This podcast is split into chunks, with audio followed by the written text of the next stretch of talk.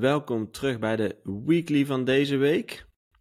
Je hebt, uh, afgelopen week heb je kunnen luisteren naar een aflevering over DAO's met onze gast Peter Nobels. Een man uh, die er veel van af is en ook wel leuk om te horen dat er al toch het een en ander mee gebeurt. En uh, hij heeft ook al wat dingen genoemd waarvan ik dacht, oh dat is wel echt interessant voor in de hoe dat in de toekomst zou kunnen gaan. Um, als in hoe praktisch bezig hè? Ja, hoe het gebruikt kan worden. Want ik, ik hoor vaker dingen over DAO's en ik blijf dat toch moeilijk vinden als in... Ik vind het niet moeilijk hoe het werkt, maar meer... Hoe gaan we dit dan gebruiken, weet je wel? Van hoe, waar gaat die, die praktische toepassing plaatsvinden?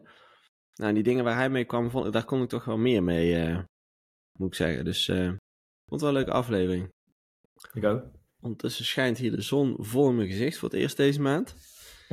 is ook lekker. Even kijken hoor. Um, was een redelijk rustige week. Het is toch uh, tussen kerst en oud en nieuw. Hè? En zelfs in crypto is het allemaal rustiger. Je kunt het uh, haast niet voorstellen. Um, komen we straks op de koers denk ik ook nog wel even op terug. Maar er, was, uh, ja, er is gewoon niet heel bijzonder veel gebeurd. We hebben toch wat puntjes uit weten te zoeken voor jullie.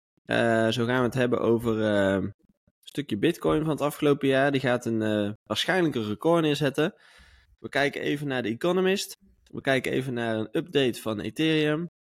En uh, ja, we sluiten af met uh, wat we volgende week gaan bespreken. En uiteraard de nieuwe gast van volgende week. Dus laten we beginnen met The Economist, Mike. Wat, uh, wat was daarmee aan de hand? Nou ja, de Economist was denk ik, uh, volgens mij was het aan het begin van dit jaar. Ik dacht in januari aan mijn hoofd. kwamen zij heel groot, uh, ja, echt met, met een artikel uit, uh, met ook op de cover een, uh, een, soort van beeld van een neerstortende komeet. Crypto's downfall. En um, ja, dat, dat markeerde eigenlijk echt een soort van um, de bodem van de bear market, zeg maar. Hè? Dus um, alles was kapot. We zijn, we zijn er klaar mee. pak het zootje maar in en het komt nooit meer goed. En deze week Um, ja, was er eigenlijk weer een uh, cover van uh, The Economist waar crypto en, en bitcoin een hoofdrol speelden. En dit keer hadden ze gekozen voor het symbool van een kakkerlak.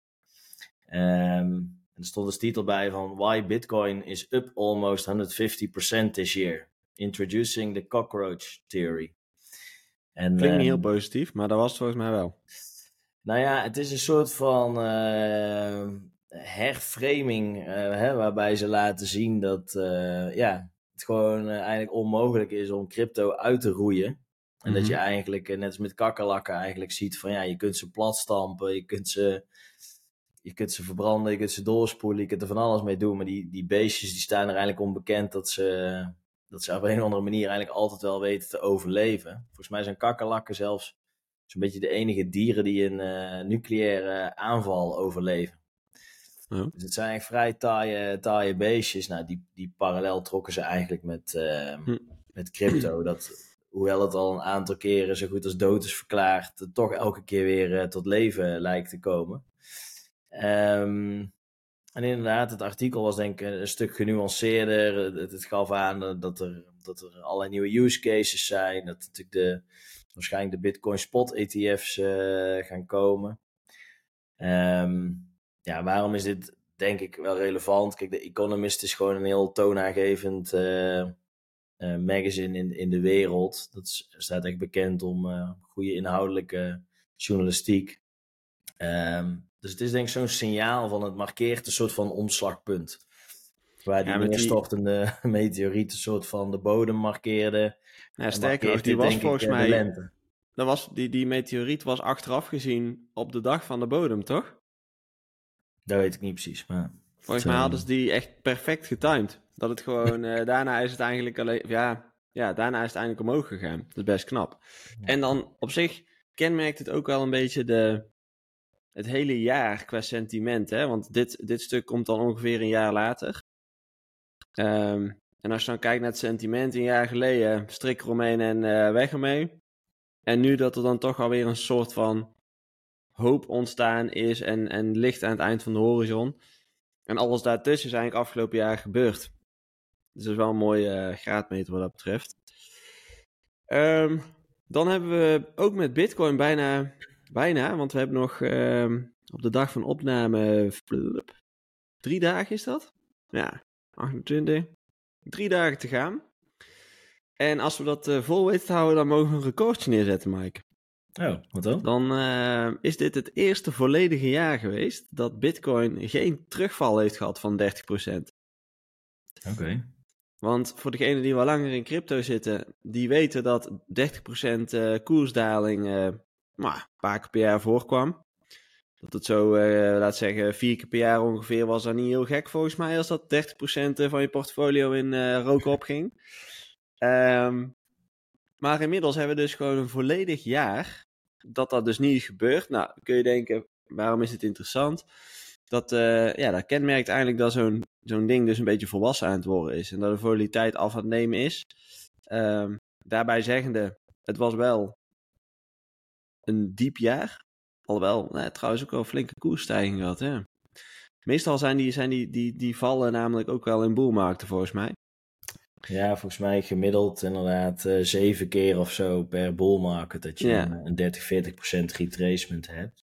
Precies. Ik vond nog maar... wel een, uh, een tweetje zou ik nog langskomen over uh, de bitcoin prijzen iedere kerst. Met kerst, ja. 2010, 25 cent. um, oh, ik zal ze even niet allemaal opnoemen, maar 2014, 318 dollar. 2018 3779 dollar. Um, 2020 24.705 dollar. 2021 50.440 dollar. 2022, ja, dat was de, de, de bear market natuurlijk, 16.828. Maar nu 2023 toch weer terug naar 43.146. Dus dat is maar ja, iets uh, ehm, 6000 en een beetje. Nee, 7000 en een beetje. Ja. Uh, lager nog dan uh, 2021. Dus, uh, en 2021 was die boelmaak, toch? Ja, dat was, de, ja. dat was denk ik de piek van de... Ja, bijna piek. ja, dat zit je denk ik bijna op de piek inderdaad van de, de NFT-hype ook. Ja. ja, toch wel bizar, want ja, Die 30% pullbacks, wij hebben ze ook een paar keer ervaren. En het is niet fijn, maar het hoort er wel bij. Als in, het is een soort natuurlijke schoonmaak eigenlijk uh, in, uh, in de markt. Um, maar ja, gek genoeg dit jaar dus uh, niet gezien. En daar hebben we nog drie dagen voor. Dus laten we hopen dat, dat ik het niet jinx en dat die nou toch alsnog tegen de grond aan gaat. Maar we zullen het zien. Ik denk, om alvast even vooruit te lopen op de koers van het einde. Ik denk dat tot aan die ETF rond zeg maar 10 januari denk ik eerlijk gezegd dat het gewoon 43.000 is en blijft. Ik kan me ehm, bijna niet voorstellen dat er nu mensen zijn die denken laat ik een schuif verkopen. Nee, dat zou echt uh, zou heel raar zijn. Inderdaad, je zegt het net al, hè, de, de, volgens mij verstrijkt de laatste deadline uh, voor het goedkeuren al dan niet van die Bitcoin spot ETF's 8, 9 of 10 januari 2024. Ja. Ik denk dat daar de markt echt op wacht. Dus, uh, het is trouwens ook wel interessant om daarbij te noemen dat, uh, kijk bij Bitcoin, ik zit even naar een grafiek te kijken. Volgens mij zit hij ongeveer op 70% van de uh, holders die Bitcoin hebben, die houden het vast. Die hebben het dus al lang vastgehouden. 70%. Maar het wel bijzonder is dat afgelopen week is Ethereum is dus dat gecrossed. Dus bij Ethereum zijn er meer mensen die Ethereum al lang vasthouden dan Bitcoin. Nou, interessant. Ja, mooi bruggetje. Nog nooit uh, eerder voorgekomen. Dus uh, ja, zegt op zich ook wel veel. dat veel mensen dus niet bereid zijn om er Ethereum te verkopen voor de prijzen die ze tot nu toe gezien hebben. Of misschien, ik weet eigenlijk niet of staking hier ook onder valt. Ik denk het wel, zou je denken? Ik denk het wel, ja. De staking houdt in dat je het ook vastzet hebt. Ja. Um, maar goed, interessant dat dat dus voor het eerst uh, boven Bitcoin is uitgestegen.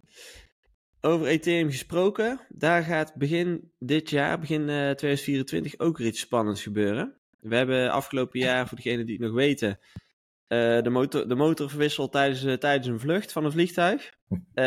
Dat ging bewonderenswaardig goed. Als in, daar is gewoon niks misgegaan, voor zover ik weet.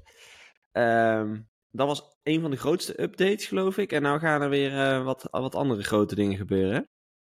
Ja, er is eigenlijk een serie updates aangekondigd. Volgens mij een paar jaar geleden al. Uh, die eigenlijk noodzakelijk zijn in de ogen van de developers en de community om Ethereum schaalbaar genoeg te maken dat het ook echt het fundament, uh, de belofte kan waarmaken om het fundament te worden voor ja, zeg maar wereldwijd onafhankelijke infrastructuur. Um, dat was ook een van de, de opmerkingen die ik wel eens vanuit uh, de oud-CEO van Google heb gehoord. Die zei van, weet je, uh, blockchain technologie en zo, um, het is allemaal, het klinkt allemaal heel mooi en, en ik snap, er zitten veel beloftes aan, maar als je ziet hoeveel volume wij als Google alleen al verwerken per dag, daar, daar smelt zo'n Ethereum echt compleet bij weg, zeg maar. Dus er moet gewoon heel veel gebeuren, dat het ook echt efficiënt wordt. Nou, we hebben de vorige bull market natuurlijk ook gezien dat die gas fees, hè, dus de, de transactiekosten die je moet betalen om handelingen op het netwerk, enorm opliepen. En er werden gigantische bedragen betaald ja, dat is gewoon niet schaalbaar, zeg maar, voor, voor wereldwijde infrastructuur. Dus er moesten een aantal stappen genomen worden. Nou, een belangrijke is uh, genomen, dat gaf je net al aan, hè? dus het, het wisselen van het consensusmechanisme, waarbij je eigenlijk wisselt van proof of work naar proof of stake. Nou, daar ga ik nu niet dieper op in, maar dat hebben we eigenlijk achter de rug. Wat er nu komend jaar, uh, of in ieder geval Q1 zeer waarschijnlijk op de planning staat, is uh, de Denken-update. Denken? Ja, en dat is de, ja, de eerste stap eigenlijk naar denksharding. Ja, dat mag je ook meteen weer vergeten. Maar het doel van denksharding is dus eigenlijk uh, schaalbaarheid. Hè? Dus hoe kunnen we ervoor zorgen dat Ethereum echt miljoenen transacties per seconde aan kan? En dat ook tegen uh, lage fees. Nou, de Denken update is de eerste stap daarin om denksharding mogelijk te maken. En voor Denken geldt dan dat uh, de eerste tests zijn aangekondigd in januari en februari. En als die goed verlopen, dat zullen we moeten afwachten. Dan zal er denk ik ook snel een datum gaan volgen voor het uitrollen van die uh, Denken-update. Nou, wat, wat is dan het stukje wat Denken al wel mogelijk maakt? Dat, dat, dat noemen ze dan EIP 4844, dat is eigenlijk het voorstel. En die maakt proto-denksharding mogelijk. Dus niet eh, volledige denksharding, maar proto-denksharding. Zo, moeilijke woorden allemaal. Um, lang verhaal kort. Dit zorgt al eigenlijk voor die optimalisatie en schaalbaarheid en voor lagere fees, maar dan alleen nog op de layer 2 netwerken van Ethereum. Dus dan moet je denken aan Polygon, aan Arbitrum en Optimism. Eigenlijk dat soort netwerken kunnen dan echt aanzienlijk efficiënter gaan uh, functioneren. Terwijl die al best laag zaten hè, qua fees en zo ten opzichte van uh, Ethereum mainnet, dus de layer 1 wel ja. Um, ja. Maar dat wordt dus nog eens uh, veel lager. Volgens mij uh, wordt het echt een fractie van wat je nu betaalt. Ja, ik zag ook zo'n chart inderdaad met wat die nieuwe fees ongeveer zouden zijn. Maar daar gaat echt, echt een flink stuk vanaf. Dat is, ja, dat is, dat is bijna niet heel, kun je zeggen, voor sommige, voor sommige van die, van die layer 2's. Maar ja, het is wel... Als je bijvoorbeeld op Polygon kijkt, dat is nu naar schatting 24 cent. Mm waar, uh, mee, waar mainnet op 6 dollar 38 zit. Dus dat is echt ja, een gigantisch verschil. Maar Polygon gaat dan na de Denken-update van 24 cent naar 2 cent. Ja, daarom. Dat is echt een gigantisch verschil. Dus dan is het verschil met mainnet van 6 dollar 38 of 2 cent. Dat is natuurlijk uh, een gigantisch verschil. Plus, volgens mij kunnen ze ook uh, het volume vergroten dus, hm. kan, dus het wordt ook al efficiënter, zeg maar. Ja, dit, deze ontwikkeling zorgt er denk ik ook direct voor dat er een soort van push ontstaat um, voor developers en ontwikkelaars om eerder te kijken naar uh, layer 2 oplossingen van Ethereum, wat ze ook graag willen. Ja. Um, dus ja, ik denk interessant, gaan we volgen, houden jullie over op de hoogte. Is natuurlijk ook afgelopen jaar ook al een soort, misschien vooral twee jaar geleden, volgens mij afgelopen jaar een trend, hè? Dus dat Polygon en zo gewoon steeds meer gebruikt werden voor bijvoorbeeld die NFT's en zo. Simpelweg gewoon omdat het uh, ja, anders niet te doen is. Hè? Destijds uh, in die hype hebben wij gewoon uh, keren gehad dat je soms een NFT wou kopen en dat de, de gas fee gewoon 3000 dollar was. ja, Ja. dat slaat gewoon helemaal nergens op. Dan ga je, dan ga je het gewoon niet kopen. Ja, ik denk Ehm. dat dit ook deels het, het succes is, of in, in ieder geval van Solana, van de aandacht die Solana de laatste paar maanden krijgt. Dus Solana is wel gewoon een stuk efficiënter en sneller al. Alleen eh, technisch ja, zijn, zij, is, ja, zijn ze gewoon echt nog niet zo ver als Ethereum. Dus Hm. ja, je leest van die berichtjes, eh, Sota- Solana is eh, flink gestegen, Ethereum is dood. Maar volgens mij is dat heel kort door de bocht. Ethereum, het ecosysteem is echt heel veel groter. Ja. Ehm, en met dit soort eh, updates die allemaal in de pijpleiding zitten, zullen ze denk ik ook weer veel concurrerender worden. Dus eh, Ja. Ja, het zou zomaar eens het jaar kunnen worden van eh, de layer 2's op Ethereum. Hè? Als in ehm, dat die toch echt wel een soort van, eh nou volwassenheid weet ik niet, maar jong, jong adolescent gaan worden het komende jaar. Dat ze gewoon echt wel flinke meters gaan maken. Want eh, het afgelopen jaar waren het eigenlijk nog babytjes. Ze zijn ook allemaal nog niet zo oud hè, een paar jaar maar geloof ik. Klopt. Ehm, ja, qua marktsentiment hebben we het toch al een deel over gehad. Daar gaan we het ook niet al te gek over maken. Er is niet heel veel gebeurd. Eigenlijk alles wachten op die ETF eh, tot die tijd. Rondom de 43.000. Ehm, voor volgende week in de weekly gaan wij eh, terugblikken op eh, onze voorspellingen van 2023 van afgelopen jaar. Wij hebben namelijk, ik zal die aflevering eens even kijken. Aflevering 13 van 25 januari afgelopen jaar, of dit jaar, ehm, hebben wij een aflevering gemaakt waarin wij vooruit gingen kijken op 2023. En wij gaan nu dus eens terugkijken van wat is daar nou precies van uitgekomen of waar gebleken, en wat ook totaal niet. En ehm, we gaan dan ook meteen voorspellingen maken voor het nieuwe jaar, voor 2024. Wat, gaat, wat denken wij dat daar gaat gebeuren en eh, wat zijn de trends eh, die we in de gaten gaan houden? Ehm, wordt het dan een vrij lange weekly? ja, dat wordt denk ik wel een vrij lange weekly, ja. Maar goed, dat is prima. Oké. En dan zitten wij, volgende week valt hij op 5 januari en die week erna is, eh, dan, dan zouden we zomaar eens eh, of feest kunnen hebben of niet. Want dan is 10 januari al achter de rug met de weekly. Dus eh, spannend. Ik ben Spannend, heel benieuwd. Ik heb het idee dat er een heel groot kamp is die zegt eh, daarna dan tankt de hele boel. En er is een kamp die zegt eh, je, hebt, je hebt het begin nog niet eens gezien. Ja, je hoort echt van alles. Je hoort bizarre prijzen van een miljoen dollar per bitcoin. Nou, eh, grote kans eh, dat dat niet gaat gebeuren, denk ik dan.